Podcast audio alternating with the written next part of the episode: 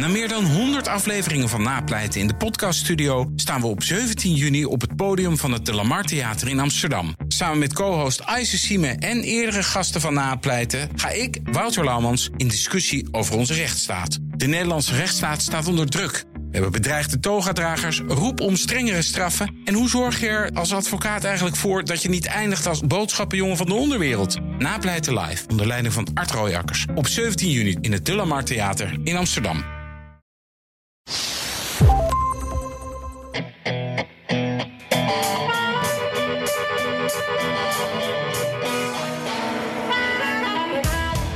Zijn conservatieve christenen hun geloof kwijt? Hoe lang kan Nancy Pelosi die articles of impeachment voor zichzelf houden en hoe staan de democratische presidentskandidaten er eigenlijk voor?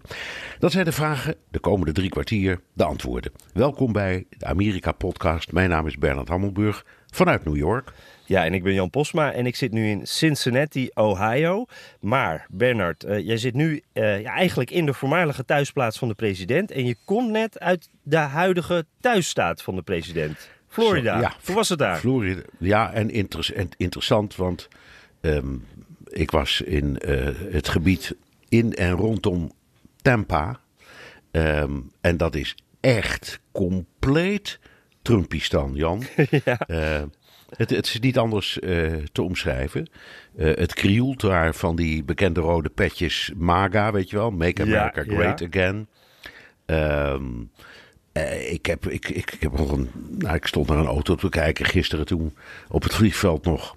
Achter, achter ons stond, je hebt daar geen nummerborden op de voorkant van auto's in, in Florida. Dus daar zetten mensen vaak tekst op. En daar stond Vote for Life. Dus dat gaat, over, dat gaat over abortus. En bijna alles, bijna alle signalen om je heen, die zijn echt politiek. Uh, en zeer pro-Trump. Ook mensen met vlaggetjes. Ook mensen met stickers op hun uh, ramen, op hun auto. En ook de mensen als je naar ze kijkt. Het is heel veel wit. Dus de meeste mensen die je ziet in een winkelcentrum, zal ik maar zeggen, ja. zijn wit. Zijn wit. Uh, er zijn ook wel uh, wat zwarte mensen. En er zijn Latino's. En ik ga even iets heel vreselijks zeggen, Jan. Maar ik had de indruk, de indruk toen ik daar door, door een gigantisch winkelcentrum liep. Uh, echt krankzinnig druk ook. Dat ik dacht, die Latino's en die uh, zwarte, dat zijn nou de mensen die niet gaan stemmen. Ik had daar enorm sterk het gevoel, want je, je zit in zo'n overmacht van ja, ik zou maar zeggen, toch redelijk ultraconservatief. En zo echt typisch Trump. Dat ik denk dat je je daar als minderheid bij wijze van spreken koest houdt. Ja. Ik hoorde, ik hoorde ook wel hele interessante dingen, want je praat natuurlijk met een hoop mensen. Um, en het verhaal is dat de economie is daar prima. In dat gedeelte van Florida. Um, dus dat past wel ook in het totaalbeeld dat wij vaak ook uh, schetsen. Want je kunt van, over Trump van alles en nog wat zeggen. Maar de boodschap is steeds: jongens, ik ben er voor de gewone man en ik ga iets aan die economie doen. Nou, hier woont de gewone man. Ja. En, de, en de economie gaat prima. Ja. Dus ja. Ik, kan, ik kan me voorstellen dat als je, als je Trumpist bent, dat je denkt: nou, dat ben ik dan nog uh, met overtuiging en van harte. Ja, dus ja. Het, was, het was buitengewoon interessant. Nou, en, en vertel, jij bent in Cincinnati. Uh, centraler in de Verenigde Staten kun je ongeveer niet wezen. Vertel. Ja, de, de Midwest. Hè. Ja, het, het, is hier sowieso heel gezellig. We zijn uh, bij, bij de schoonfamilie van een uh, gemeenschappelijke vriend van ons, Freek. Uh, je krijgt natuurlijk de groeten van hem trouwens, Bernard. Ja, dank, dankjewel. Doe de hartelijke groeten terug. Dat zal ik doen, zal ik doen. Ja.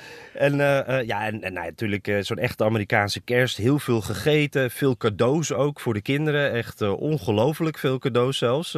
zoveel had ik nog niet eerder gezien. En er zaten ook wat Nederlandse elementjes in. dat heeft onze vriend Freek hier bij deze familie, zijn schoonfamilie, heeft hij dat geïntroduceerd. We hebben ook gedichten voorgelezen. Dus een soort Sinterklaasgedichten met kerst eigenlijk. Dus het was ook een klein beetje Nederlandse kerst. Maar uh, Bernard, die, die, gezelligheid, hè, die, die, is er niet altijd. Ik, ik heb de afgelopen, bij ons wel gelukkig, maar niet bij alle gezinnen. Uh, jij had het al over die mensen die allemaal met hun MAGA-petjes op straat rondlopen. Ik heb de laatste tijd zoveel gezien van gezinnen die ook met, aan de kerstdis zitten met, met een MAGA-petje. Of, of waar in de kerstboom een, een, een, een Trump-slogan hangt. En nou ja, dan krijg je natuurlijk die verdeeldheid binnen die families. Hè? Dat er delen zijn die zeggen van ja, impeach die man. En andere delen van, uh, van het gezin die zeggen van ja, nee, helemaal niet. Ik ga op hem stemmen. Um, Donald Trump kerststruien bijvoorbeeld ook. Die zijn echt heel populair met allemaal, uh, nou, Keep America Great Again. Maar dan wel helemaal in die kerstsfeer. Um, dus uh, uh, het is zelfs zo erg dat, dat mensen die zijn dan een beetje bang uh, voor, voor, voor ruzie. En dat was tijdens Thanksgiving ook al. Dat, dat dan, dan zie je op de televisie en op de radio hoor je psychologen en mensen die dan tips gaan geven. En een van die mensen die tipte dan, ja, als het echt erg wordt, dan ga je gewoon in een apart kamertje zitten en dan negeer je gewoon de rest van de familie. Dus dat soort dingen. En wij hebben thuis zo'n smart speaker van, van Amazon is die voor ons. Die heet dan Alexa, kan je allerlei dingen vragen. En Alexa die heeft nu geval van nood uh, de optie, dan kan je vragen uh, change the subject. En dan begint Alexa uh, uit het niets over een ander gespreksonderwerp om er eventjes af te leiden als je met het hele, hele gezin ruzie hebt. Dus dat is ook de kerst dit jaar. Jongen, jongen, jongen. Het is, ik vind het, ja, het heeft iets, um, moet ik het zeggen, um, onthutsend. Als je het zo hoort. Dat je dat zo in gezinnen voelt. Maar goed, wij moeten oppassen, Jan. Um, geen sport speaker in de buurt. nee, snel een ander onderwerp. snel een onderwerp, ja. Oké, okay, laten, we, laten, laten we praten over iets wat uh, jou uh, en mij is opgevallen. Het invloedrijke christelijke blad Christianity Today... Um, dat plaatste een hoofdredactioneel commentaar. Ze willen van Trump af. Um, en uh, nou ja, vertel maar, wat, wat, wat, heb je, wat las jij in dat commentaar? Want het was zeer opmerkelijk. Ja, ja zeker. Dat, dat ging ook in alle media ging het daarover. Uh, de titel van het stuk was meteen al heel duidelijk. Trump moet uit zijn ambt ontheven worden. Dus dat laat al weinig tot de verbeelding over. En, en de hoofdredactie van dit blad schrijft... Uh, het is wel duidelijk dat democraten al vanaf het begin van hem af willen. Uh, het is altijd gezeur geweest en dat snappen wij ook. Maar nu met Oekraïne, uh, met het Zelensky-gesprek en alles eromheen, eigenlijk die impeachment-procedure. Nu hebben we ook een duidelijke reden waarom wij ook zeggen: ja, we moeten van hem af. De feiten spreken voor zich, zeggen ze hier. En ik citeer dan eventjes: Trump gebruikte zijn politieke macht om een buitenlandse leider te intimideren en een politieke tegenstander te besmeuren. dat is niet alleen in strijd met de grondwet. Het is ten diepste immoreel. Uh, maar ze noemen dan ook dat ze zich eigenlijk al veel langer aan de president stoorden. Uh, ze, ze, schrijven hij heeft verschillende mensen aangenomen en weer ontslagen die nu veroordeelde criminelen zijn. Hij heeft toegegeven dat hij onethisch gehandeld heeft in zijn zakenleven, uh, maar ook in zijn relaties met vrouwen. En hij is er nog trots op ook.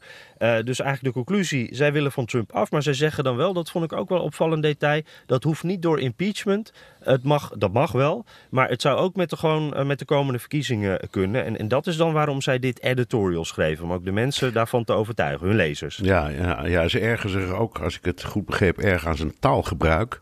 En eerlijk gezegd. Dat vind, wij vinden dat allemaal opmerkelijk, hè, zal ik maar zeggen. De manier waarop hij zich, zich soms uh, uitdrukt. Um, en dan denk je wel eens, ja, dat moet voor iemand die gelovig is heel pijnlijk zijn. Dat ze daar nu pas mee komen, dat vind ik wel uh, vreemd.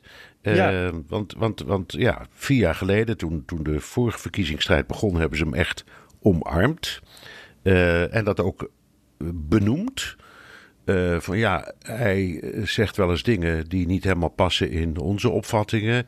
Maar daar staat zoveel licht tegenover dat we hem steunen. Maar nu benoemen ze toch ook de manier waarop hij zich over anderen uitlaat als eigenlijk onaanvaardbaar.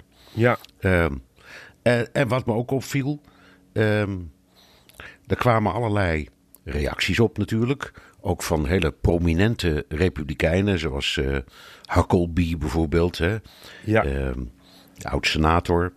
Die uh, zei: Ja, maar dit is echt. Jullie van het pad af. En wij moeten met de evangelische beweging toch deze man volledig blijven steunen. En tegelijkertijd. Oh ja, en, en daar voegden ze dan aan toe in die reacties. Van pas erop. als jullie dit pad kiezen dan, uh, loopt, uh, dan, dan vliegen de, de abonnees weg. Ja. En de adverteerder die keert ze van je af. En wat gebeurt er in werkelijkheid? Uh, volgens het blad zelf.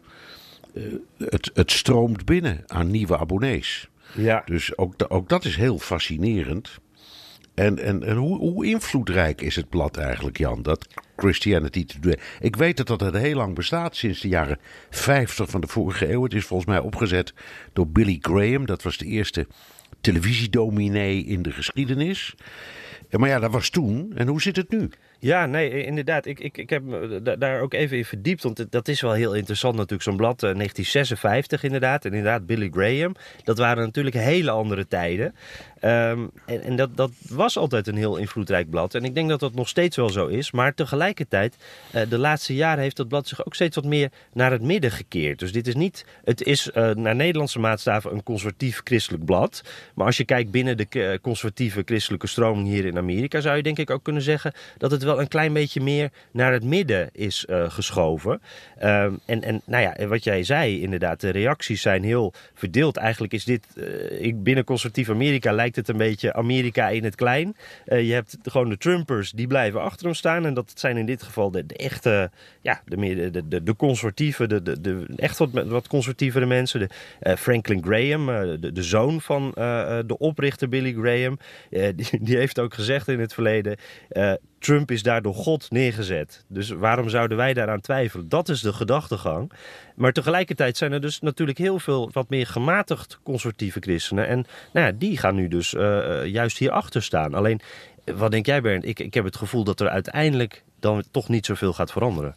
Nou ja, de vraag is, uh, dit is een blad. En die hele grote evangelische beweging die lezen echt niet allemaal dat, dit blad. Dus het is eigenlijk net als met tweets, uh, Jan. Uh, de meeste mensen hebben helemaal geen Twitter. Maar als een tweet belangrijk is of interessant of hij komt van de president, komt hij via andere media toch tot je. Dat geldt ook voor dit verhaal over Christianity Today. Want eerlijk gezegd, zal voor jou ook zo zijn. Ik ben het pas gaan lezen toen ik er berichten over, toen ik er berichten over vond. Ik dacht, hé, hey, ja, nou precies. Moet ik, nou, moet, nou moet ik eens eventjes op de website kijken. En ja hoor, daar stond hij dan. Ja. Maar ik, het, er gaan dagen voorbij dat ik Christianity Today niet lees. en dat zal, en dat, dat zal misschien ook zo zijn voor heel veel van die evangelicals. Ja, dat denk en, ik uh, ja, en de vraag is dus, is dat nou één groep? Um, ik, heb, ik heb geleerd in de loop van de jaren dat het bekrompen is om zo te denken. Want niet één groep is helemaal hetzelfde. Uh, er zitten binnen elke groep progressieve en conservatieve denkers. En sommige van die mensen zijn alleen maar um, heel erg, ik zal maar zeggen, religieus overtuigd. En, en uh, wachten op de terugkeer eh, van uh, de Messias, zou ik maar zeggen. en dat doen, ze, dat doen ze heel hartstochtelijk. En ze doen van alles aan om dat te versnellen en te verbeteren. Maar verder valt het wel mee. En dan heb je de, de, de meer gepolitiseerde flank. Uh, die bijvoorbeeld gestalte heeft gekregen in de Tea Party. en ik heb de indruk dat we, als wij praten over die evangelicals, dat dat dan vooral de groep is waar we op letten, toch? De, ja. de, de, mensen die die, die, die Tea Party hebben gevolgd, gevormd. Ja, die echt inderdaad heel politiek actief zijn. En, en, en, en ja, eigenlijk, misschien moeten we gewoon eventjes terug, Bernard. Want uh, hoe zit het met deze evangelicals? Die waren niet altijd zo politiek actief. Uh, ooit waren ze een beetje stil, maar dat is veranderd. Dat is omgeslagen. Wanneer is dat gebeurd? Ja, dat, is, dat, dat weet ik eigenlijk nog precies. Um, uh, traditioneel is um, de protestants-christelijke kerk in Amerika veruit de grootste. Ik geloof iets van 70% van de Amerikanen heeft een protestants-christelijke achtergrond. Die evangelische beweging die is uh, actief geworden onder Billy Graham, omdat dat de eerste dominee was die op televisie verscheen. Maar toen kreeg je een, nou zeg een hele serie. En daarvan was de meest uh, invloedrijke een zekere Jerry Falwell. Um, en dat was in de periode van Reagan. En die Jerry Falwell die heeft met Ronald Reagan gewoon een deal gesloten. Echt een deal. Namelijk, um, als jij, uh, Ronald, uh, duidelijk laat blijken dat je de waarden van de, de christelijke gemeenschap uh, tot je neemt. Dat, uh, en, en, en ook zelf uitdraagt. Dat was voor Reagan nog een hele stap, want zo religieus was hij niet. Net doet een beetje, ja, doet een beetje net, Trump, ja, denk toch? Ook meerdere keren getrouwd. Ja, nee, nee, ja, nee, maar, het, ja, maar het was niet iemand die iets tegen godsdienst had, maar het was niet iemand die, zoals Jimmy Carter, elke twaalf minuten op de knieën ging om de heren aan te spreken. Hè? Dus laten we het zo zeggen. Dus, dus Ronald Reagan, die heeft daar dus echt over nagedacht. En zijn adviseurs hebben erover nagedacht. En toen hebben ze een deal gesloten. En die vol wel, dat vergeet ik nooit. Ik heb hem destijds geïnterviewd. Ehm, en ik weet nog dat, dat, we hadden afgesproken, ik geloof in Kansas City of zo. Daar zou hij dan heen komen en ik ook. En hij kwam met zijn eigen straalvliegtuig. Dat is ook iets wat je... Dus, en jij niet? Nee, ik, ik, kwam, ik kwam gewoon met het boemeltje, Jan. Uh, maar maar, maar dat, dat zijn ook dingen die je niet van je netvlies krijgt. Zo'n man was dus schat, schat helemaal rijk. En die zei, ook in dat interview... Uh, wij hebben een heel duidelijk doel. Namelijk het, het overnemen van de Republikeinse Partij. Ja. En uh, als, als, als de, de Republikeinse leiders, in dit geval Ronald Reagan, daarmee akkoord gaan, dan ga ik, ga ik ervoor zorgen dat die hele beweging voortaan niet meer eh, democratisch stemt, maar republikeins. Want vroeger waren dat, vooral in het zuiden, vaak democraten. Mhm. En daarmee is die evangelische beweging ontstaan. De Tea Party, die die plaats nu heeft ingenomen, is eigenlijk anders. Die is ontstaan als anti-belastingbeweging.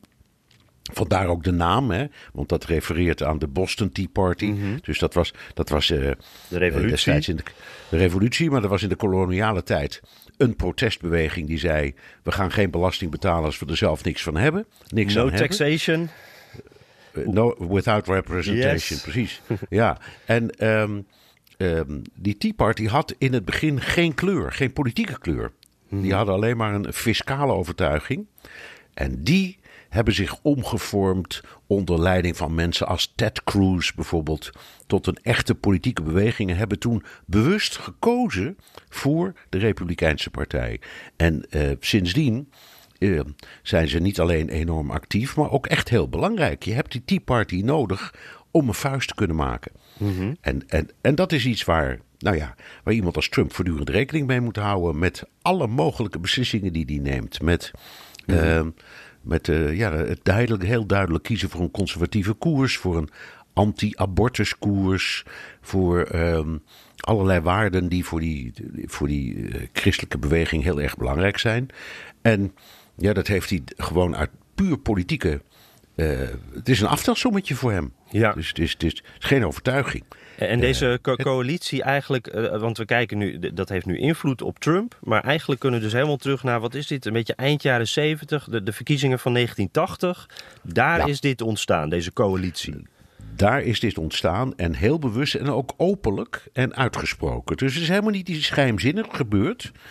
Uh, in achterkamertjes. Nee, dit is open en openlijk en in de media en uh, gewoon open en bloot voor iedereen zichtbaar. Ja. In de kranten, op radio en televisie is dat allemaal uitgesproken. En er is een conctie, om die mooie oude katholieke term te gebruiken, uh, gesloten tussen de Republikeinse Partij en de evangelische beweging. Ja, en hoe belangrijk dat is, dat, dat zie je nu ook weer. Want uh, Trump die heeft dit allemaal uh, aangehoord. Uh, Christianity Today was daar niet blij mee. Een paar boze tweets waarin hij ze ook als, ik geloof, extreem links neerzette. Het zijn anti-Trumpers.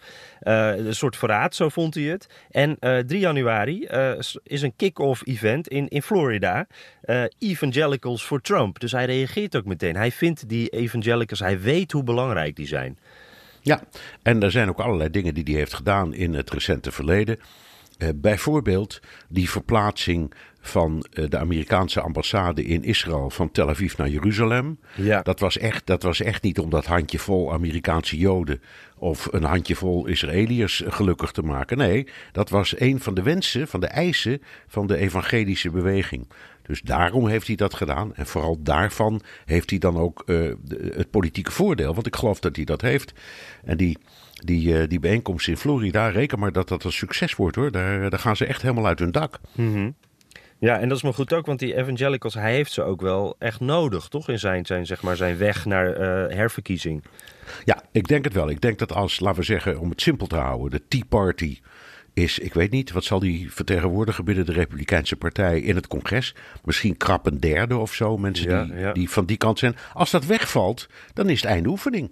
Ja. Dus, uh, dus hij leunt en steunt heel erg duidelijk op ze.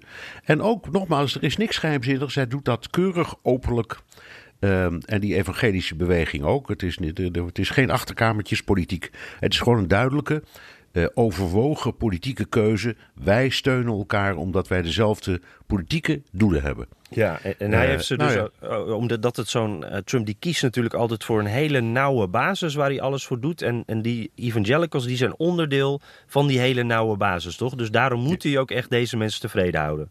Precies, en daarom is het buitengewoon vervelend als de, een belangrijke spreekbuis als zo'n blad uh, dat, dat gelieerd is aan de oprichting, oprichter van die beweging, um, in een uh, commentaar afvalt. Dat is echt heel pijnlijk. Mm -hmm. En het is dus, ik, eerlijk gezegd, uh, ik snap heel vaak die boze tweets van Trump niet helemaal. Nee, jongen, laat het toch lopen, het komt wel goed. maar in dit, in dit geval begreep ik het best hoor. Ik dacht, ik zou, wat krijgen we nou zeg, jongens. Ja. Ik, ik stel mijn, mijn hele politieke leven voor jullie in de waagschaal, bijna dagelijks. En dan krijg ik eventjes een schop in, de, in, uh, in, in, in mijn rug. Wat, wie? Dus, de, de, dus ja, hij was echt woest en dat begrijp ik. Ja, ja hij wordt aan het kruis genageld, uh, Bernard. Dat, uh... Ja. hey, en het, het, uh, het, het, verhaal is natuurlijk altijd, dat, dat, dat is ook wat die evangelicals heel vaak, of in ieder geval in 2016 ook vasthielden, van nou ja, die stijl, de manier waarop hij praat, zijn persoonlijke leven. We houden er niet van, net als met Reagan, we vinden, we keuren dat niet goed, maar we knijpen ook een oogje toe, want hij levert. En uh, jij noemt net al uh, Israël, de ambassade. We hebben natuurlijk altijd die, die opperrechters. Uh, als je kijkt naar wat hij levert, Trump blijft gewoon leveren, toch? Op dat punt zullen, ja, zullen ze tevreden zijn. Zo, zo, zo, en niet alleen leden van het Hoge Rechtshof, ehm, maar ook rechters in, in het land. Er, is, dus, er was nogal wat publiciteit over een aantal rechters voor het zogenaamde negende district. Dat is een van de federale districten. Uh, waarvoor die voordrachten had gedaan, allemaal uit de strikt conservatieve juridische hoek. En die zijn nu ook um, zo langzamerhand allemaal door de Senaat goedgekeurd. Dus je ziet in de hele rechtspraak, we hebben het er al eerder over gehad, in de podcast de aanleiding van een uh, vraag van uh, ons vriendje Laurens Groeneveld, die daar ja. naar had geïnformeerd. Maar dat, dat klopt inderdaad, het verhaal. Je ziet heel duidelijk in de rechterlijke macht een verrechtsing. En dat vind ik ook altijd een hele interessante. Want wat is nou een rechtse rechter? Hè?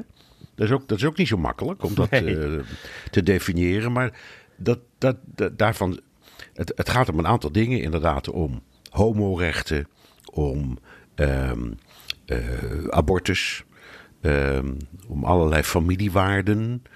Um, het niet erkennen van iets anders in het huwelijk dan, dan tussen man en vrouw. Dat mm. zijn dingen die heel erg zwaar wegen.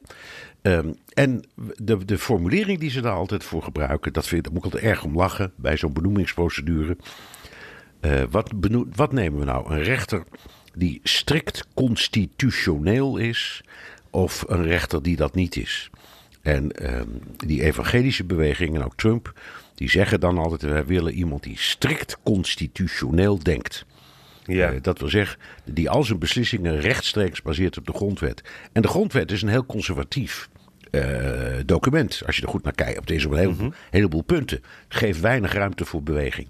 En dat is het interessante. Progressieve rechters hebben de neiging om te zeggen: ja, maar de bedoeling van die uh, grondwet is anders dan dat er zo letterlijk staat. En die geven er dan een draai aan. En dat wordt jurisprudentie en dat wordt vaak nieuwe wetgeving.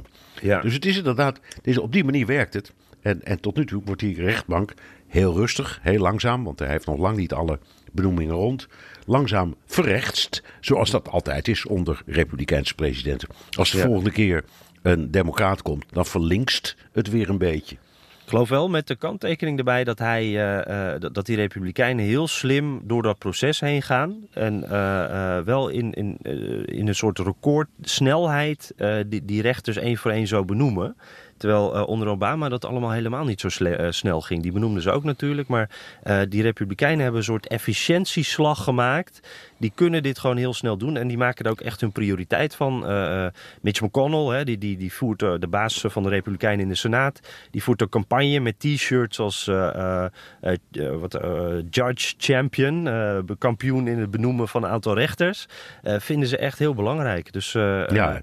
En die democraten die zijn toch wat minder tactisch vaak. Hè? Dat, uh... ja, ja, maar het was ook een probleem dat Obama het grootste deel van zijn presidentschap heeft moeten werken met twee republikeinse huizen. Dus ook de Senaat. Dus hij kon, kon wel komen met een voordracht. Maar de Senaat, die in meerderheid republikeins was, die keurde dat dan af. Nu uh, zit uh, Trump in de comfortabele situatie dat de meerderheid in de Senaat republikeins is. En hij ook. Dus hij, omdat de Senaat nu eenmaal de functie heeft van het benoemen. Hè, de president draagt voor, de, de, de, Senaat benoemt. Gaat het veel soepeler. Hmm. En McConnell heeft volkomen gelijk. Hij is echt een soort kampioen aan het worden. Ja, ja, ja, daar zijn ze blij mee. Ik nou, acht van de tien conservatieve christenen is tevreden over Trump. Dus, en dat komt mede hierdoor. Dat komt zeker hierdoor, ja. Omdat dit is ook iets waarmee je een stempel drukt, ook op de periode nadat je al geen president meer bent. Mm de, speaking about which. bruggetje, mooi. mooi bruggetje. Uh, er bestaat ook nog zoiets als democraten. oh ja. Uh, ja, die hadden weer een debat. maar daar hoor je eigenlijk bijna niks over. dus de CNN en nog wat anderen, die hebben daar dan wel flarden van laten zien. Of die hebben het uitgezonden, maar het was niet heel erg interessant. Maar goed, jij hebt, jij hebt het natuurlijk allemaal op de letter gevolgd. ja. maar, wat, maar, wat, maar wat, ik, wat, wat dan wel opvalt, is dat er, er is maar één democrat die voortdurend in het nieuws is. En dat is de democratische leider Nancy Pelosi. En hoe? Ja, ja, ja, ze stelt die, die articles of impeachment uh, stelt ze uit, hè, het versturen daarvan. En dat was echt een, een onverwachte uh, stap. Dat uh, had Trump ook niet aanzien komen. En nou, die boze tweets die waren ook hier weer over.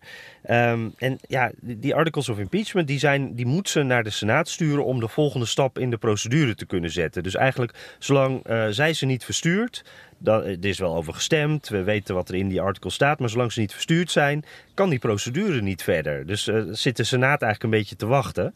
Uh, nou is het op dit moment natuurlijk ook kerstreces, dus dat maakt nog even niet zoveel uit. Maar die onzekerheid, dat, daar wordt heel veel over gesproken. En waarom doet ze dat nou? Ja, uh, het is een beetje gissen, maar zij wil waarschijnlijk druk zetten op de Republikeinen. Lindsey Graham bijvoorbeeld, de senator, heeft al gezegd dat, ja, mijn beslissing staat al vast. Het maakt eigenlijk niet meer uit. Ik ga toch tegen impeachment stemmen. Die Mitch McConnell, daar is hij weer. Die was ook een beetje provocerend, zei hij in een interview van ik werk al samen met het Witte Huis. We hebben het allemaal al overlegd. En ja, die uitkomst staat eigenlijk ook al vast. Dus waar hebben we het eigenlijk over? En, en ja, Pelosi, die, die, die heeft andere belangen. Die denkt van ja, ik wil sowieso dat dit wel serieus behandeld wordt. Uh, ik wil ook laten zien dat ik hier nog ben. Dat ik ook nog een stem uh, in het kapitel heb. En die democraten die hopen ergens nog een klein beetje dat ze toch nog getuigen op mogen roepen. dat de, de, de, de stafchef van Trump dat hij gaat spreken. Misschien wel Giuliani.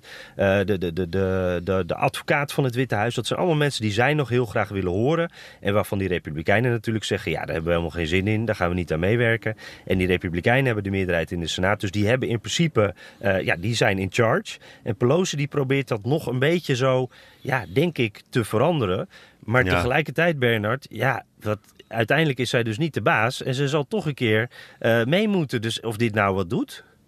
Ja, nee, het is, nou, ik denk dat dat de tactiek inderdaad is. Dat ze heeft gezegd: jullie willen niet meewerken aan um, het, leveren van, het leveren van de uh, getuigen die wij willen horen. Nou, dan gaan we het uitstellen. En daarmee zetten we jullie onder druk om dat toch te doen. Uh, ik weet niet of het handig is of verstandig, maar ik moet één ding zeggen.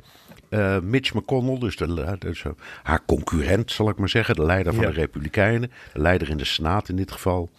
Uh, die zegt, joh, dat is allemaal grootspraak. Ze, ze, ze, gaat gewoon door de knie hoor, maak je geen zorgen. Uh, het zal, ze praat maar, maar ze gaat echt niet uh, de zaak uh, echt lang uitstellen. Het kan helemaal niet. Die aanklacht, die is geformuleerd, die articles of impeachment, die moet gewoon naar ons toe en wij moeten ermee aan de slag. Mm -hmm. Maar hij zei in een bijzinnetje, ik heb op zichzelf geen principiële bezwaren tegen het horen van zekere getuigen.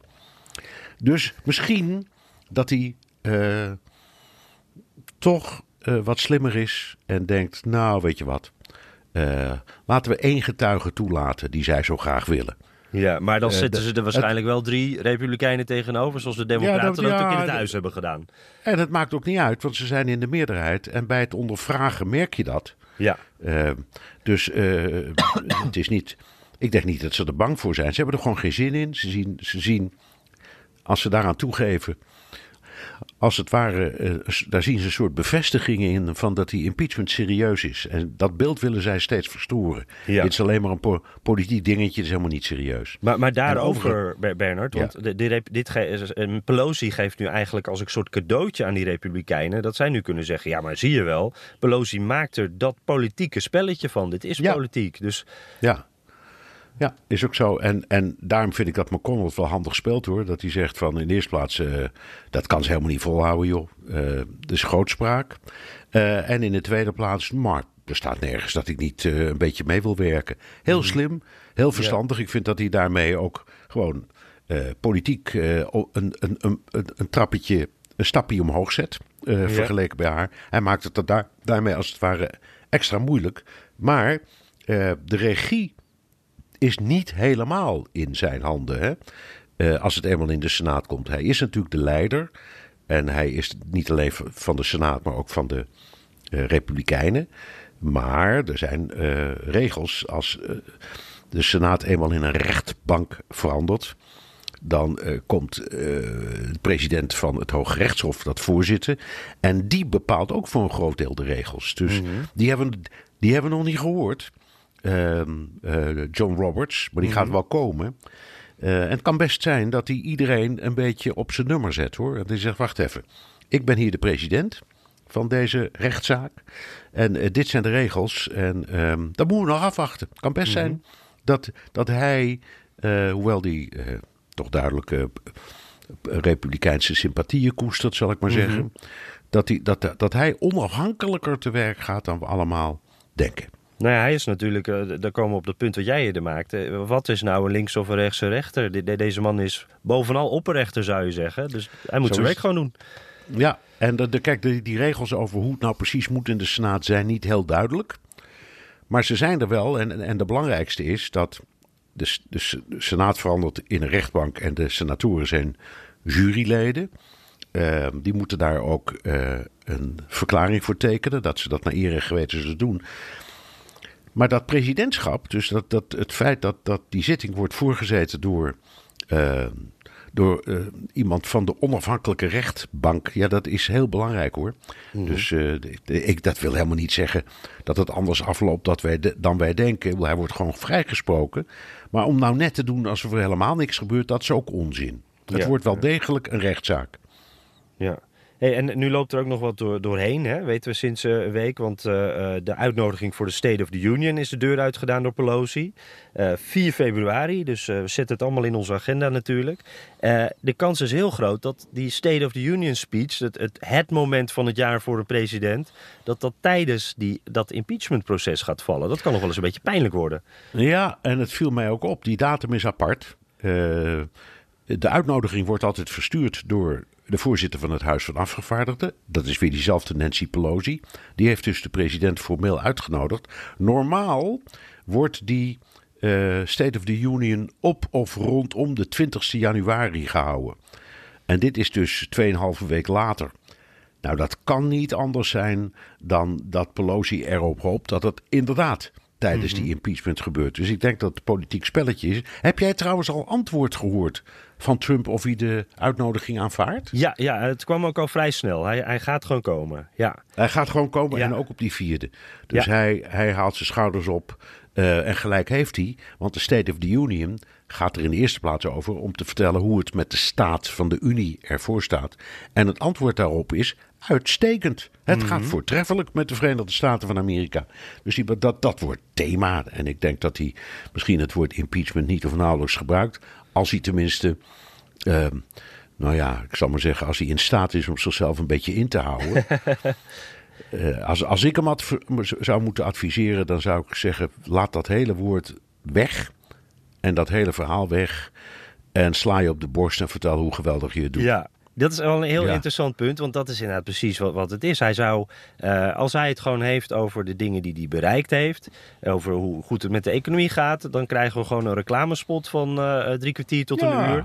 Maar misschien is dit dan wel de tactiek van Pelosi ook. Want je ziet uh, dat uitstellen van die articles of impeachment. Uh, Trump tweet daarover. Zelfs op uh, eerste kerstdag was hij daar heel boos over aan het tweeten. Dat raakt hem blijkbaar toch. En ik ben wel heel benieuwd of hij zich in kan houden tijdens die State of the Union. Of we zeg maar de presidentiële Trump gaan zien. Die inderdaad het slimme doet en gewoon vertelt hoe goed het gaat. Of dat hij zich toch eventjes te buiten moet gaan. Dat hij even die frustratie eruit moet gooien. En misschien is dat wel waar Pelosi een beetje naartoe probeert te werken. Om Trump vooral boos te krijgen. Ja, dat zou goed kunnen. En, en, en we kennen de man al inmiddels goed genoeg. Hij kan zich vaak niet inhouden. Um, aan de andere kant, zo'n State of the Union speech. Ja, dat is iets dat toch vaak. Ik, nou ja, dat is een beetje een groot woord, maar dat gaat dan toch vaak de geschiedenis in. Hè? Mm. Dat, dat, dat, dat, komt vast te liggen.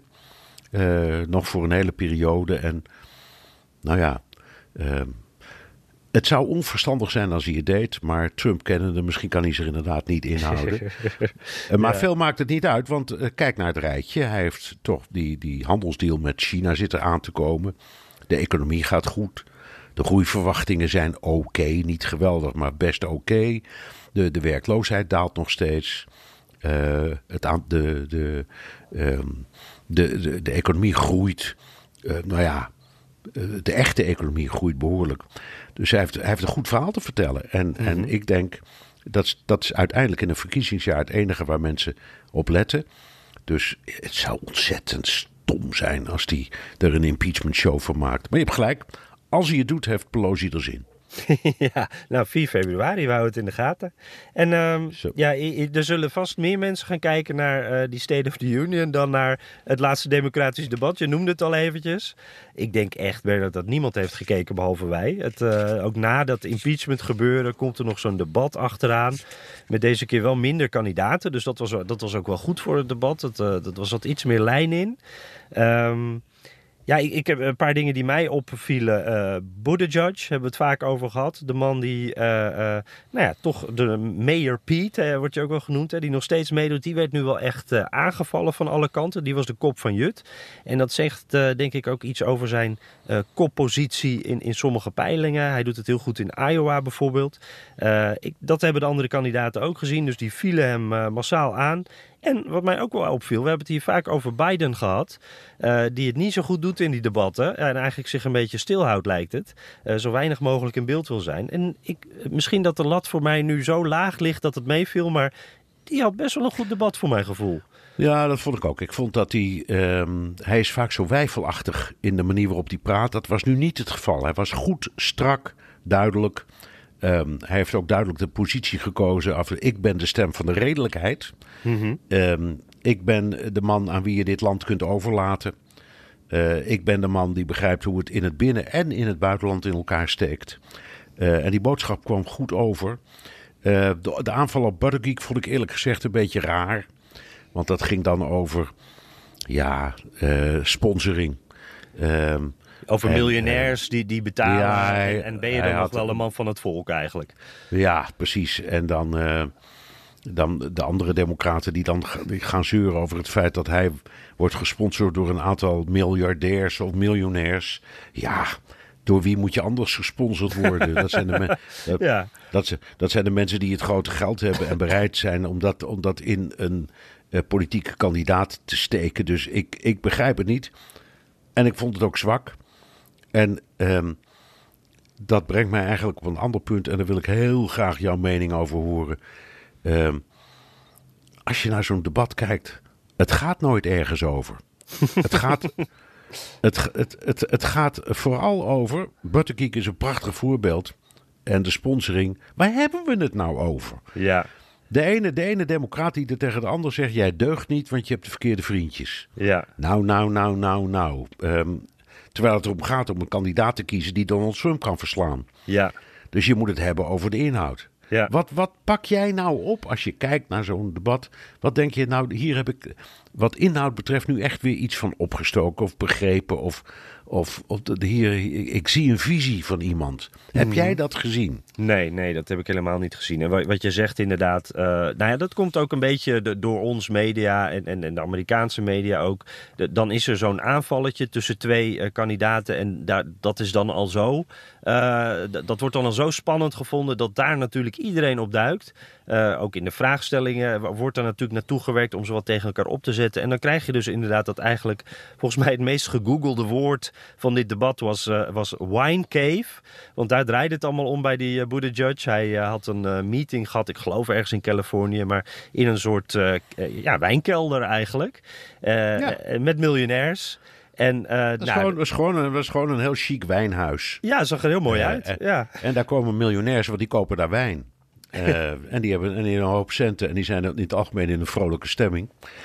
Ja. Dus daar, ja, daar hadden ze zo'n zo'n bijeenkomst georganiseerd. Ja, nou ja. ja.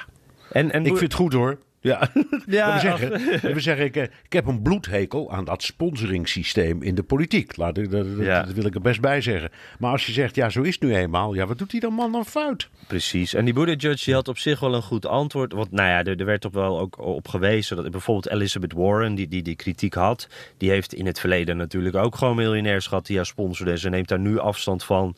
Maar ja, eh, zij was niet waar ze nu is als ze dat in het verleden niet had gedaan.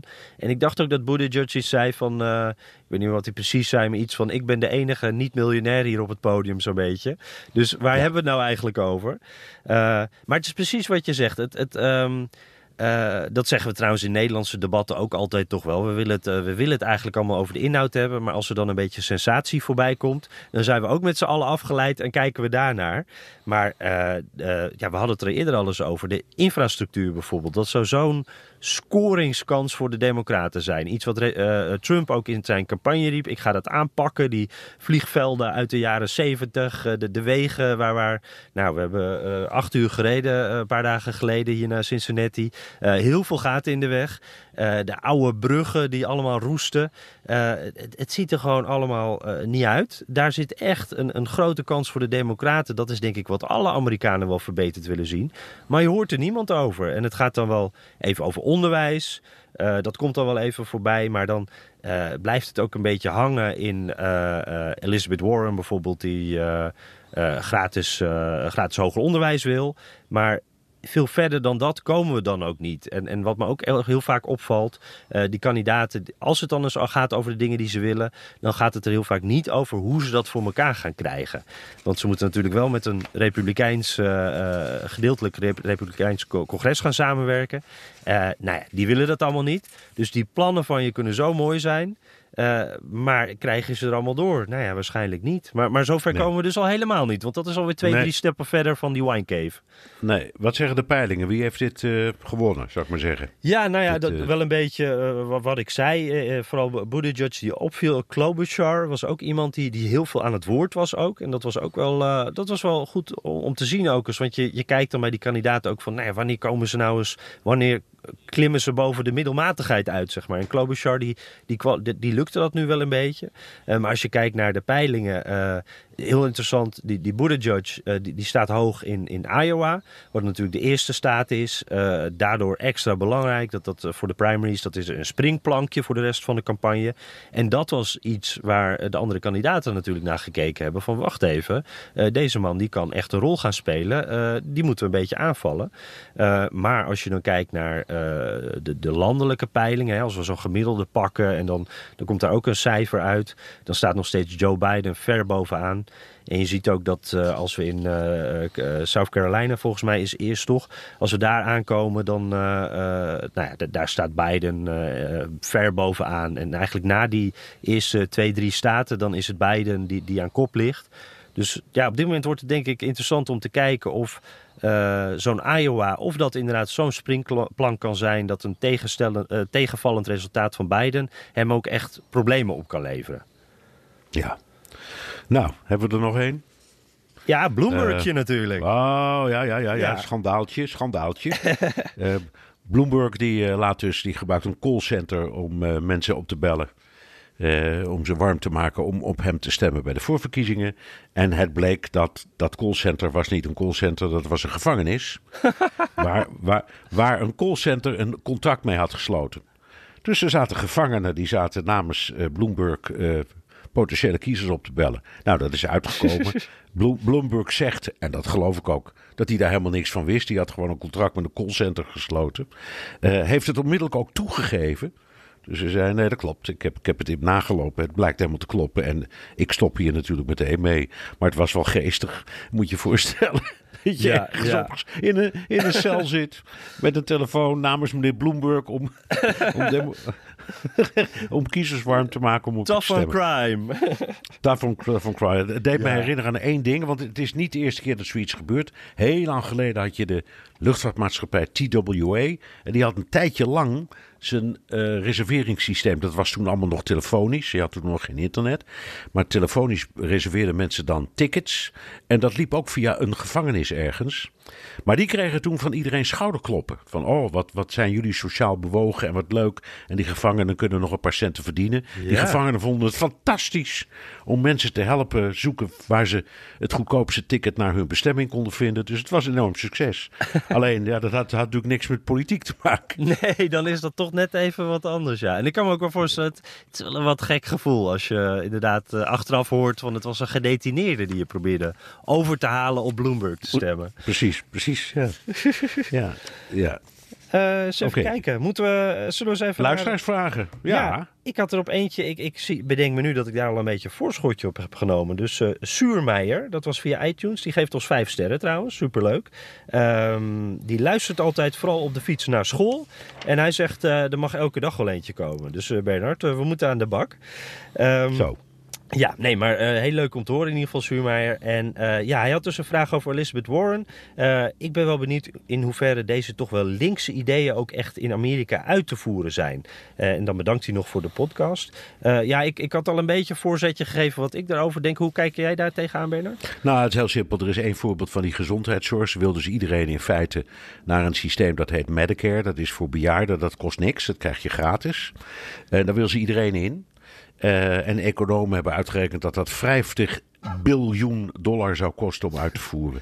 Dus dat, ik, ik, een duidelijke antwoord kun je niet geven. Nee. Het is onuitvoerbaar en het is inderdaad, om maar in die klassieke termen te spreken, een beetje links. Aan de andere kant kun je zeggen, nou, het is wel fijn dat iemand zegt: we moeten het probleem echt oplossen. En niet alleen maar met een schijnoplossing, die tot nu toe steeds uh, wordt besproken, zoals van Trump, eigenlijk ook die van Obama, ook van voorgangers. Het wordt tijd dat er echt een goede gezondheidszorg komt voor iedereen. Dus wat dat betreft is het wel weer sympathiek wat ze probeert. Ja, en wat ik ook wel interessant vind, uh, ook hoe daarop gereageerd wordt, want dat, daar is toch wel enige populariteit voor. Zij wil de grote techbedrijven ja, uit elkaar halen. Uh, dat vind ik ook altijd wel een punt. Dan, dan zit je altijd wat te kijken. In Silicon Valley zijn ze daar natuurlijk helemaal niet blij mee. In het bedrijfsleven wordt er ook heel angstig naar gekeken. Maar als ik dan een beetje zo mensen om me heen vraag, uh, die, die zijn er eigenlijk best wel enthousiast over. Ik merk dat dat onder gewone mensen zoals jij en ik, dat, we toch, dat er toch heel wat mensen zijn die denken van nou die privacy, ik vind het toch een beetje eng hoe groot dat Facebook is geworden, Google. En machtiger dan sommige landen zijn ze nu. Uh, dus laat die Elizabeth Warren dat doen. Maar dat is natuurlijk ook ja. zo'n enorme klus waarvan je denkt van nou, hoe gaat ze er ook maar aan beginnen? Dat wordt super moeilijk. Ja, maar het is eerder gebeurd met, uh, met uh, vroeger had je Bell, Ma Bell werd dat genoemd. Het was de telefoondienst. En Amerika had eigenlijk maar één telefoonsysteem, dat was de Bell System. En dat is uit elkaar gehaald omdat het te groot werd. En dat had niets te maken met republikeins of democratisch. Ik weet niet eens meer onder welke president. Ik denk eigenlijk onder Carter, maar het kan ook onder Reagan zijn geweest. Uh, en dat is nog gesplitst in AT&T en nog wat andere bedrijven. Omdat ze zeiden, ja, die krijgen te veel macht. En die hebben ook te, toen al te veel informatie over de klanten. Ja, ja. Dus, dus, dus dat, dat in jouw omgeving mensen zeggen, nou, ik vind dat zo'n slecht idee niet. Ik, ik weet niet eens of je dat politiek kunt noemen. Het is misschien gewoon wel een goed idee. Ja. zeggen, te, groot, te grote macht is niet goed. Nooit. Nou, Kijk. hey, ehm, sorry, mijn, ik heb mijn Hollandse verkoudheidje nog steeds. dus daar moet ik even vanaf. Um, we, we, komen nu bij een uh, wat meer uh, uh, opinierend onderdeel over onze podcast, Bernard. Um, oh jee. Ja, oh jee. zeker. We moeten nu even ons grap gaan zetten. Nee, we hadden echt een paar hele goede reacties naar aanleiding van de laatste podcast. onder andere van Peter Hollands via Twitter, @onspeet. die zegt net beluisterd, sorry, maar die podcast komt bij mij niet echt objectief over. en hij heeft het dan over dat IG-rapport, dat, dat Horowitz-rapport, het onderzoek naar het onderzoek onderzoek van de FBI, waar we het uh, eerder over hebben gehad. En hij zegt dan van ja, uh, er zijn uh, cruciale fouten gemaakt door de FBI. Um, hij zegt eigenlijk, jullie bagatelliseren dat een beetje. Jullie, je kan er toch geen steekjes laten vallen noemen. En hij zegt dan, wat democraten doen wordt vergoeilijkt. En Trump is in jullie ogen al schuldig aan, aan alles. Erg jammer. Uh, en, en, laat ik dan meteen even Cheert Vries, uh, die ook een gelijksoortige reactie uh, stuurde, beetje teleurgesteld. In alle opzichten is het IG-rapport schokkend. Zeker met de opmerkingen van minister Barr erbij. Jullie gaan er wel heel makkelijk overheen. dan zegt hij tussen haakjes geen witch hunt, niets mis met het stildossier. Dat is dan wat wij een beetje zeiden. Ja, ja. ja twee luisteraars, ja. Bernard. En twee harde ja, ja, ja, ja, nee. ja, nee, ik begrijp het. En we, nou ja, we hebben daar... Ik begrijp ook best wat ze zeggen. En... Um, uh, ik respecteer hun kritiek. Sterker nog, ik ben er blij mee. Uh, ik had vroeger bij uh, de krant een hoofdredacteur die zei altijd: als je een column maakt. Uh, dan moet een deel van je lezers moet het vreselijk vinden en het andere deel moet het grandioos vinden. en, als, en als een van die twee ontbreekt, dan heb je geen goede column. Misschien is dat bij deze podcast ook wel een beetje zo. Ja, het kan wel eens zijn. Uh, aan de andere kant, ja, ik hoor twee kanten. Ik hoor, ik hoor mensen die zeggen, joh, wat zijn jullie pro-Trump? Ik hoor ook mensen die zeggen, wat zijn jullie anti-Trump? En dat is, vind ik wel goed. Het betekent dat wij ons werk gewoon doen. We zijn journalisten, uh, we kiezen geen partij, we volgen het nieuws precies. En ad hoc bekijken wij per keer, per onderwerp, wat we daarvan vinden. Ik vind dat het ook zo moet. Ja, en ik wil, wil nog wel even over dat IG-rapport rapport ook zeggen van uh, die cruciale fouten door de FBI. Dat, dat uh, kennen wij ook, want daar hebben we het, volgens mij hebben we dat ook zo benoemd. En als dat niet duidelijk is overgekomen, dan wil ik dat nu nog wel even zeggen. Er zijn inderdaad grove fouten gemaakt. Uh, er zijn zelfs documenten vervalst. Nou, dat kan natuurlijk echt niet. Maar waarom wij toch dat, dat rapport niet zo heftig vonden als het had kunnen zijn, dat komt misschien ook wel een beetje door Trump. Trump heeft die lat vrij hoog gelegd. Die heeft steeds gezegd ja, maar dit is politieke inmenging. Uh, ze proberen mij kapot te maken. Dit is ook de deep state die een soort coup probeert te plegen. Nou ja, uh, uit het rapport blijkt dat het niet uh, uit politieke, met politieke motieven was. En, en dat maakt het natuurlijk een van de belangrijkste punten waarom mensen zo naar dat rapport uitkeken. dat was dus niet zo. En ik denk dat dat ook wel een nuance is die, die ik in ieder geval wel heel belangrijk vind. Maar ja, dat neemt niet weg dat de FBI inderdaad wel echt fouten heeft gemaakt. Um, en ook hele stomme fouten trouwens. En Bernard, uh, want jij, zei net al, uh, een column moet twee kanten hebben, want uh, dan doe je het goed. we hadden nog een paar korte reacties en die hadden net een andere conclusie eigenlijk een beetje dan wat deze eerste twee mensen zeiden. die zeiden namelijk, u zijn een beetje pro-Trump. Michael Meijer via Twitter ik luister graag naar jullie podcast. Nou, dat horen we heel goed. Uh, horen we heel graag. Er heerst vanuit jullie, uh, van, vanuit jullie duidelijk een bepaalde adoratie jegens Trump. Dat kan en is niet erg. Het is alleen voor de luisteraar goed te beseffen dat jullie als journalist niet helemaal onafhankelijk zijn. Verder is het een toppodcast, zegt hij. En Erik Rugzak via iTunes. Uh, biased staat erboven, bevooroordeeld. Uh, uh, en dan zegt hij, ik vat hem even samen, het valt op dat Hammelburg steeds wat geringschattend praat over democraten en weinig kritisch over Trump is, terwijl deze laatste toch een ongekende serie schandalen en puinhopen produceert.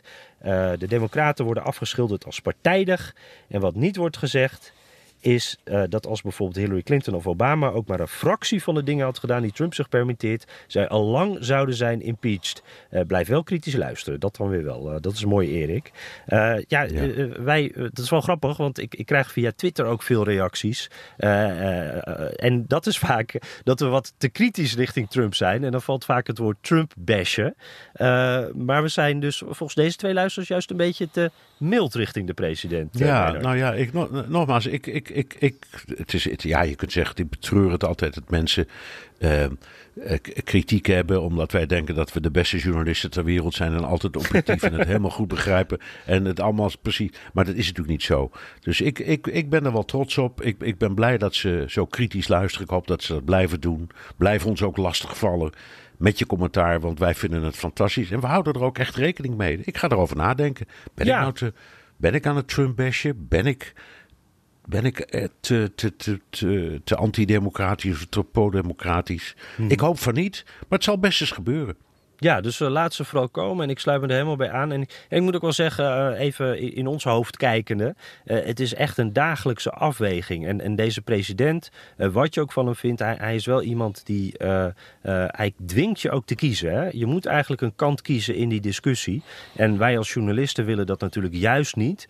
Dus dat is ook een dagelijkse afweging hoe we proberen nou ja, een weg hierin te vinden wat volgens ons het echte verhaal is. maar jullie houden ons daar scherp bij, dus dank daarvoor.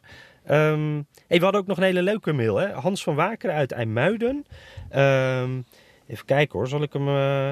Nou, ik begin gewoon. Ja, heel, heel, enthousiast. Ja. Ja, ja, ja, ik zie hem voor me. Ja, ja, nou, ja, ja. Nou, heel erg leuk. Hij zegt vanaf de eerste luister ik al.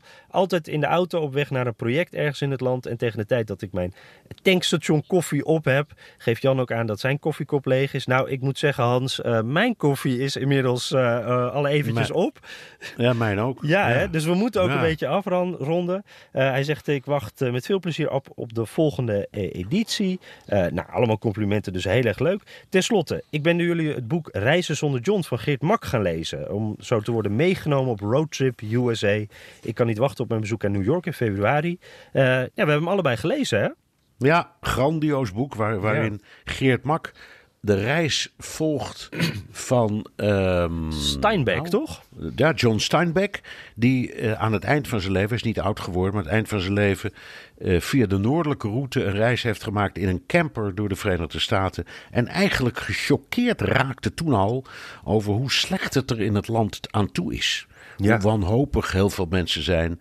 En die, die, die reis heeft Geert Mak nage reden, ook met een camper. En dat is fantastisch. Zeer aan te raden. Dus echt, als je iets van Amerika wil begrijpen, Mak heeft zich er echt enorm goed in verdiept. Gewoon, in, vooral in de doodgewone mensen. Ja, ja. ja en ik moet zeggen, ik, eh, ik, even mijn hele persoonlijke opinie, ik vond de boek een klein beetje saai. Ik heb het wel met plezier gelezen. Ik lees altijd Geert Mak met heel veel plezier. Uh, ik vond het ook heel erg leuk om uh, het origineel van John Steinbeck daarna er nog even ja, bij, te maken. Ja, Is dat uh, Travels Without Charlie, volgens mij heet het? Ja, ja, ja, ja, ja, nou, Dat is heel erg leuk, want je ziet heel veel gelijkenissen, maar ook heel veel verschillen. Uh, allebei uh, hele boeiende boeken. Dus dat, dat, zijn onze boekentips, denk ik, uh, toch Bernard?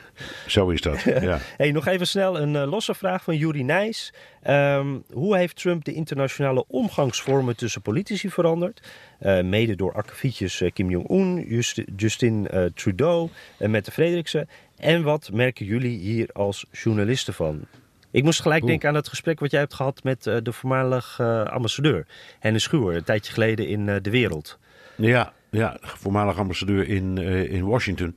Ja, die zegt dat echt de zaken enorm zijn veranderd. En dat zich in, in, in laten we zeggen, letterlijk dan in diplomatieke kring.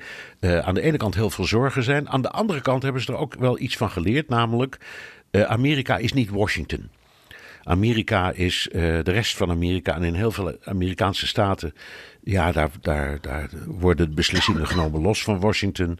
En de, de, de Nederlandse regering heeft dan ook een, een heel programma uh, uh, ontwikkeld. en dat, dat betekent, dat luidt ongeveer: kijk verder dan de ringweg. Zo heet dat programma. En dat is heel goed dat ze dat doen. Ze strekken het land in. Dat waren ze helemaal vergeten. Ze dachten dat het allemaal het Witte Huis en het Capitool was. Is niet zo. Maar, wat merken we ervan als journalisten? Nou, uh, de verruwing en de verrouwing, uh, dat merken we. Vind ik. Ook, ook in de manier waarop. Maar ja, om terug te gaan naar het begin van ons gesprek deze keer. Het feit dat dat helemaal tot in gezinnen toe doorklinkt. Dat is nogal wat zeg. Mm ja, en, en, wat ik ook wel hoor in Washington van, uh, van diplomaten, mensen die daar werken op ministeries, uh, dat er ook wel wat uh, in de stad aan, aan het hele politieke apparaat, of nou, het ambtenarenapparaat meer is veranderd. dat, dat, dat in het verleden het duidelijker was waar je moest aankloppen als je een vraag of een opmerking had, ook binnen de diplomatie. En dat dat nu onder de Trump-regering soms wat ingewikkelder is. Omdat daar niet. Uh, daar zijn veel nieuwe mensen gekomen met nieuwe ideeën en andere manieren van het doen. Net zoals de president alles anders doet. En dat maakt het wel eens wat ingewikkeld. Want als je vroeger gewoon bij uh, het State Department kamertje 12 moest zijn, want daar zat altijd dezelfde man, uh, moet je nu, ja, soms weet je niet waar je heen moet. En dat, dat is ja, vind ik wel interessant om te ja. horen. Dat klopt, het is verdeeld in desks, zoals dat heet. Dus er is ook een Netherlands desk. Uh, is die helemaal voor onszelf eigenlijk? Of delen we die dan met België en uh, wat nee, nee, nee, nee, Nou ja, dat weet ik niet. Maar er was, er was altijd, er waren één of twee mensen daar die niets anders deden dan Nederland bestuderen. En die mensen ja. kunnen veranderen. Ja, dat kunnen gewoon andere mensen worden. Met andere ideeën, andere opvattingen, andere interpretaties. En dat, dat merk je inderdaad per, per regering. Nou, ja. we sluiten altijd af, Jan, met een ja. uh, Nederlands-Amerikaans onderwerpje. Wat heb je gevonden? Ja, ik, uh, Bernard, ik kwam iets heel grappigs tegen op de website van Atlas Obscura. Uh, de, de, site over allerlei opvallende dingen in de wereld, waar je dan heen kan gaan. En dit was een mooi artikel over het uit de muur trekken. Hè? Typisch Nederlands, kroketje trekken bij de Febo. Maar wat ik helemaal niet wist, dat was heel populair in het verleden ook in Amerika. In Philadelphia en New York.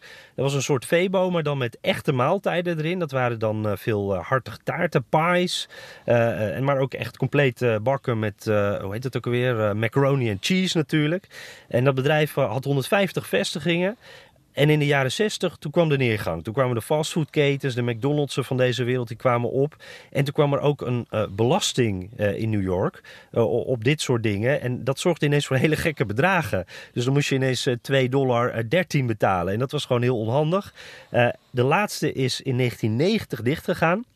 En in 2015 hebben ze nog een keer geprobeerd, maar dat lukte niet. Maar ik vond het heel grappig om dus te zien. Ik dacht altijd, nou, nergens anders hebben ze dit. Maar ik had ook altijd wel het gevoel van, ja, dit zou in Amerika volgens mij enorm aan kunnen slaan. Maar dat is dus niet zo. In de jaren 60 uh, werd het in Nederland heel populair. En dat was het moment dat ze in Amerika dus allemaal afscheid namen van die uh, ja, Febo's. Zeker. Ja, ja, ja, ja, ik ben opgegroeid met, uh, ik herinner me die dingen uit de muur eten was heel normaal als uitdrukking. Um, het heeft ook iets te maken met personeel. In Nederland was het zo'n grandioze opvoeding, uh, oplossing en is het nog steeds. Omdat personeel duur is en vaak in dienst. Ja. Uh, en in Amerika is uh, het werk in dit soort bedrijven het, de, het alleronderste, geen grap hoor, in de voedselketen. uh, je slechter kun je het niet treffen, slechter verdienen kan niet, slechtere di dienstverband bestaat bijna niet. je hebt de, de spreekwoordelijke hamburger flipper. Ja. Bij McDonald's. Nou, erger kun je het niet treffen in het leven. Maar het is dus heel goedkoop om uh, personeel te krijgen. Dus het is veel makkelijker en goedkoper om uh, niet zo'n hele dure machine aan in de muur te timmeren. Maar gewoon een uh, toonbank te maken en een frituurmachine. En hupsakee, een paar mensen erachter.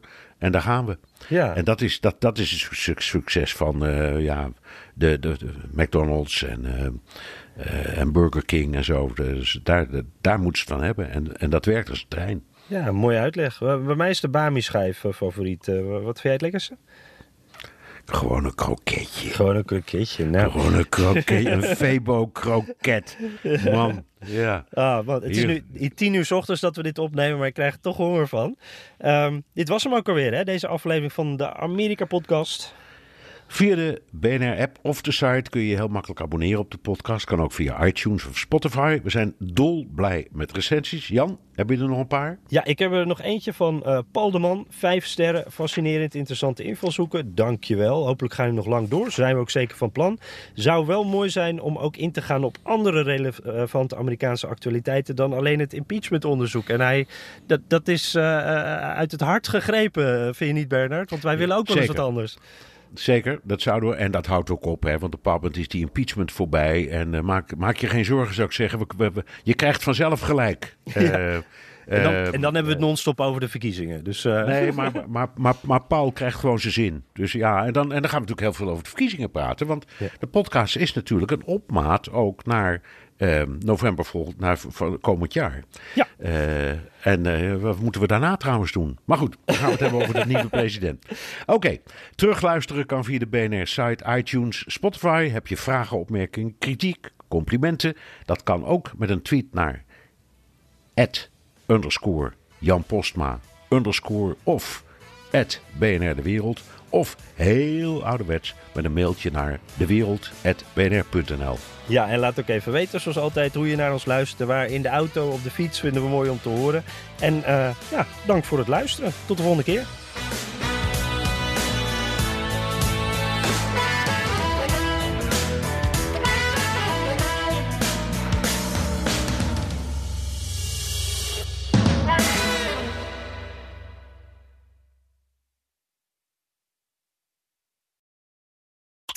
Ook Diana Matroos vind je in de BNR-app. Ja, inderdaad. Je kunt live naar mij luisteren tijdens de Big Five. Ook handig in de BNR-app. Breaking nieuwsmeldingen, maar ook het allerlaatste zakelijke nieuws.